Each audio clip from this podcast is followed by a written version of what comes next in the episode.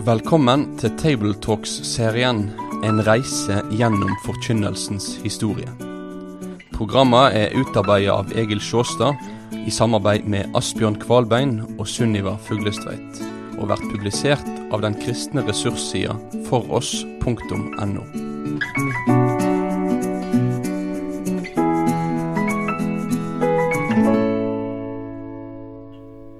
Ja, nå skal vi gå inn på et uh, tema som er mye omtalt og mye skrevet om, nemlig lekmannsbevegelsen fra Hans Nilsen Hauge av. Og det vi skal se særlig på, det er forkynnelsen i lekmannsbevegelsen. Det er jo risikabel, risikabel sak å gjøre dette her, da, for det er jo så mangfoldig. Men allikevel gjør vi et forsøk. Lekmannsbevegelsen er en grasrotbevegelse.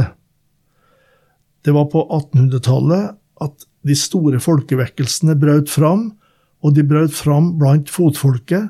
En skare av lekfolk sto fram på forkynnelsens arena og var grepet av pietistiske idealer. Den folkelige frigjøringen førte med seg en åndelig frigjøring av nådegaver blant de kristne. Vi vil her la og vie lekmannsbevegelsen og dens forkynnelse fra og med Hans Nilsen Hauge en spesiell oppmerksomhet, og vi skal holde på helt fram til 1970-tallet, kanskje. Lekmannsbevegelsen betegner en grasrotbevegelse som ikke lot seg styre av det kirkelige embetet, men hadde sitt eget forkynnerarbeid og sitt eget misjonsarbeid på kirkens læremessige grunn. De ulike retningene ble, i alle fall regionalt, ledet av menn som ikke har formell teologisk utdanning. De studerte likevel mye i Skriften og i oppbyggelsesbøker, og noen av dem ble meget lærd. Begrepet lekfolk betydde ikke alltid at de var ulærde, men at de ikke hadde noe embete i den offisielle kirka. Mange av dem var bønder eller fiskere. De hadde ikke studert prekenlære eller satt seg inn i ulike prekenidealer, men de hadde lest sin Pontoppidan, og mange hadde lest de anerkjente oppbyggelsesbøkene av Johan Arnt, eksempel, Den sanne kristendom. De var også prega av salmeskatten. Pietisten Brorsons salmer gjorde sitt inntog, ikke minst blant de, salm, de salmene som Hauge, Hans Nilsen Hauge, fikk trykt i sin levetid. Ute blant kirkefolket levde gamle Kingos salmebok fra 1699. I kirka der vekkelsesfolket sto sterkt, ble den ikke erstatta med de nye rasjonalistisk prega bøkene. Mange av lekpredikantene siterte flittig fra salmeskatten. De hadde jo lært mange vers i kirka og på skoler utenat. Den hjalp dem å sette ord på troens viktigste saker, både i sin egen tilbedelse og i forkynnelsen.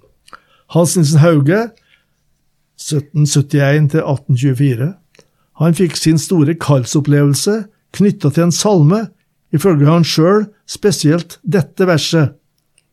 Styrk mig grett kraftig i sjelen her inne, at jeg kan kjenne hva ånden formår.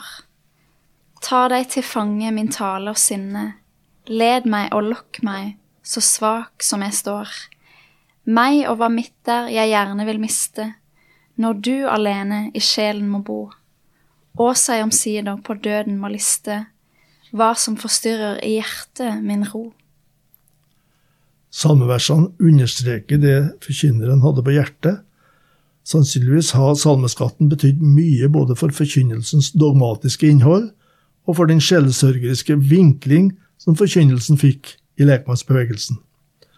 Ofte ble salmevers lest med innlevelse, med en personlig klang, folk kunne merke tårer i øyekroken, versa satte spor også i tilhørernes sinn, og mange av tilhørerne kunne disse versa utenat.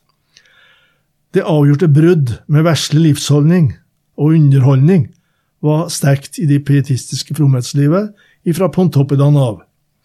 Denne arven tæra lekmannsbevegelsen på, og har gjort det helt opp til vår nyere tid. Det kom naturligvis også til uttrykk i salmeskatten. Et eksempel fra Hauges liv i en salme han sang da de ville tvinge han til å danse med ei attraktiv dame. Nu bør ei synden mere med makt og herredom ute i mitt kjød regjere, men daglig kastes om. Lekpredikantene holdt seg stort sett til katekismens grunnsannheter. Mange av dem var prega av sterk overbevisning, De var utrusta med profetisk nådegave og nådde fram til folkets hjerter. Hans Nilsen Hauge, den første i rekken, var, skrev mye. Det er noe av det som kjennetegna Haugevekkelsen fra starten av, Hauges egne skrifter. Der han sto i bondestuene og tala, hadde han oftest ikke manuskript, så han hadde ikke skriva mye som manus. Han holdt seg til det som brann i sitt sinn, og bar det fram med stor varme og overbevisning. Samtidige kilder vitner om en nokså ulik vurdering av Hauge som predikant. Noen harselerte med hans stemmebruk og preiketone, andre mente det var liten sammenheng i det han bar fram. De som ble omvendt og mottok sterke personlige inntrykk av Hauge, opplevde både omsorg og engasjement. Olav Hagesæter har analysert det meste av det som kildene kan fortelle om Hauge som predikant, og det han oppdaga kan sammenfattes slik. Virkningen av Hauges muntlige forkynnelse den gangen, og virkningen av hans skriftlige forkynnelse når vi leser den i dag, er stor. Forklaringen ligger ikke bare på det språklige plan, den ligger i hans overbevisning, hans nærhet til folket, hans åndskraft, hans nådegaver og hans tro på og bruk av bibelord. Noen akademiske skolerte kritikere den gangen kunne si usselt pærevev og åndelig nullitet, preget av en affektert stemme. Andre ble betatt av hans kjærlighet og milde sinn. All vår motstand ble liksom plukket av. Selv henviser Hauge til Herrens krafts ånd. Uten den ble det tungt å preke, men med den kunne han enkelte ganger preke uten å rett og sanse seg. Han sto fram uten å ha utarbeidet og lært talen på forhånd. Han talte det som lå, hans, lå han på hjertet. Men han var nøye med at forkynnelsen var i samsvar med kristig lære. Og det som holdt Hauge på et sunt spor, var altså det vi kan kalle den generelle forberedelsen. Både for han og mange av de predikantene som skulle stå fram utover hundreåret, begynte den generelle forberedelsen, altså ikke den spesielle til den konkrete talen, men den generelle oppbyggingen av seg sjøl med tanke på å preike, den begynte allerede i heimen, i kirka og på skolen, med utenatlæring av Pontoppedans forklaring, med bibellesing, salmevers og kveldsbønner, og de leste mye fra andagslitteraturen. De var lesere. Prekenidealer ble sjelden formulert direkte men de var svært målbevisst uten, og ønska å se frukt i form av omvendelser. De ønska at det skulle skje noen ting når de preika, og de ville oppbygge de troende. Siden de sjøl var barn av folket, kom de lettere på bølgelengde med vanlige folk enn mange i presteskapet som hadde studert i København. Kan jeg komme inn med en liten kommentar her, Egil? Eh, jeg tenkte på dette med at eh, den generelle forberedelsen, at den starta i hjemmet og i kirka og på skolen. Jeg tror en utfordring som vi møter i samfunnet i dag, er at dette her har jo skifta litt og endra seg litt, særlig i skolen. At kristendomslæren og forkynnelsen og den kristne arven har blitt tatt mye mer ut av skolen nå enn før. Jeg husker veldig godt eh, andreåret mitt på bibelskolen når jeg bodde i Kristiansund. Og så drev vi et sånn barnelag der så ble jeg så overraska over hvor eh, kalle lite bibelkunnskap barna hadde. Sånn helt enkle ting som jeg husker vi lærte på barneskolen, men som, som jeg så plutselig hadde forsvunnet veldig ut. Eh, og dette er ting som jeg tenker er en utfordring for oss som forkynnere. Eh, og som er ting som vi, eh, som vi må på en måte tenke igjennom eh, når vi formidler og forkynner. Eh, det som kan være positivt med at det er blitt på en måte tatt mer ut av skolen, eh, det er at eh, vi som forkynnere blir muligheten til eh, å kanskje rive ned noen eh, feilantagelser av kristendommen som kanskje levde enda mer før, når ikke-kristne f.eks. skulle formidle et kristen budskap som en lærer. Um, men jeg tror vi må stille oss disse spørsmålene. Hvordan fungerer den generelle eh, forberedelsen i dag? Hvordan gjør vi den som forkynnere, og hvordan er den generelle forberedelsen for oss sjøl som forkynnere? Er vi lesere? Bruker vi tid i Guds ord hjemme? Eh, bruker vi tid i bønn, eller setter vi oss bare ned og leser og ber akkurat når vi skal? eh, formidle et budskap akkurat lørdagen før vi skal dele en tale? Eller lar vi det virke i oss, være levende i livet vårt generelt? da? At det blir den der eh, generelle forberedelsen som får leve i oss, og at Gud får påvirke oss med sitt ord fordi vi leser det. Så kanskje burde vi ha en sånn oppmuntring til oss at vi må, vi må bli lesere, selv om noe av den generelle eh, forberedelsen har endra seg litt over tid. Fin oppmuntring til oss, Sunniva. Og nå skal vi nettopp snakke litt om kvinner i Haugebevegelsen. Og, og ta fram et eksempel. Pernille Wold. Under Hauges virksomhet rundt 1800 brann vekkelsens ild over store deler av landet. Både kvinner og menn begynte å reise rundt og kalle mennesker til omvendelse, og Hauge så hvordan Gud hadde gitt kvinner nådegaver til å dele ordet rundt om i venneflokkene, og det er sagt at kvinnene var helt avgjørende for at bevegelsen kunne vokse fram. De utgjorde mange steder limet i lokalmiljøet, og rekrutterte stadig nye unge inn i vennesamfunnene. En av de kvinnene som reiste rundt som forkynner, var Pernille Kristens datter Vold fra Hamar. Hun ble trolig omvendt da Hauge virka på Hedmark i 1799. Omsorgen for andres frelse dreiv denne kvinna ut for å vitne. Hun sto fram med inderlige formaninger, leste fra gode bøker, samtaler med folk i stuene, og her er et lite glimt av hennes forkynnelse ifra et av hennes brev. Jesus sier, vi må legge vind på med flid og gå inn gjennom den snevre port. Dette tror og erkjenner jeg er sant, fordi vi har mye å trenge ut fra. Ikke bare den syndige natur og dens tilbøyeligheter, men mer vår ånds egenvilje, selvgodhet og begjær etter å være noe. Jesus er alene veien, livet og sannheten. Han det levende vann, og hver den som drikker av dette vann, skal i all evighet ikke tørste.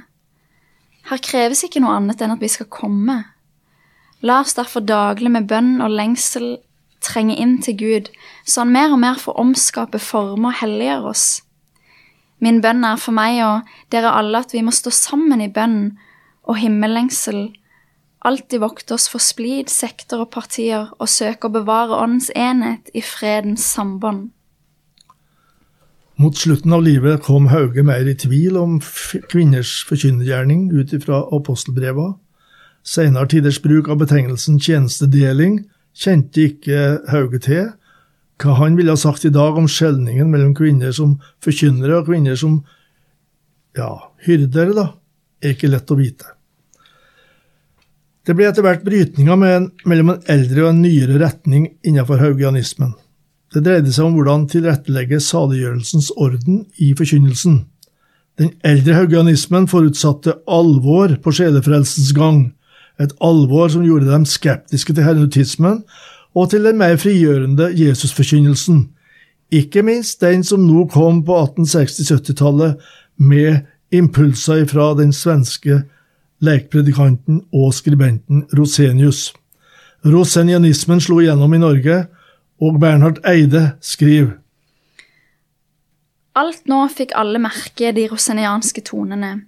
Kom som du er, ropte Rosenius.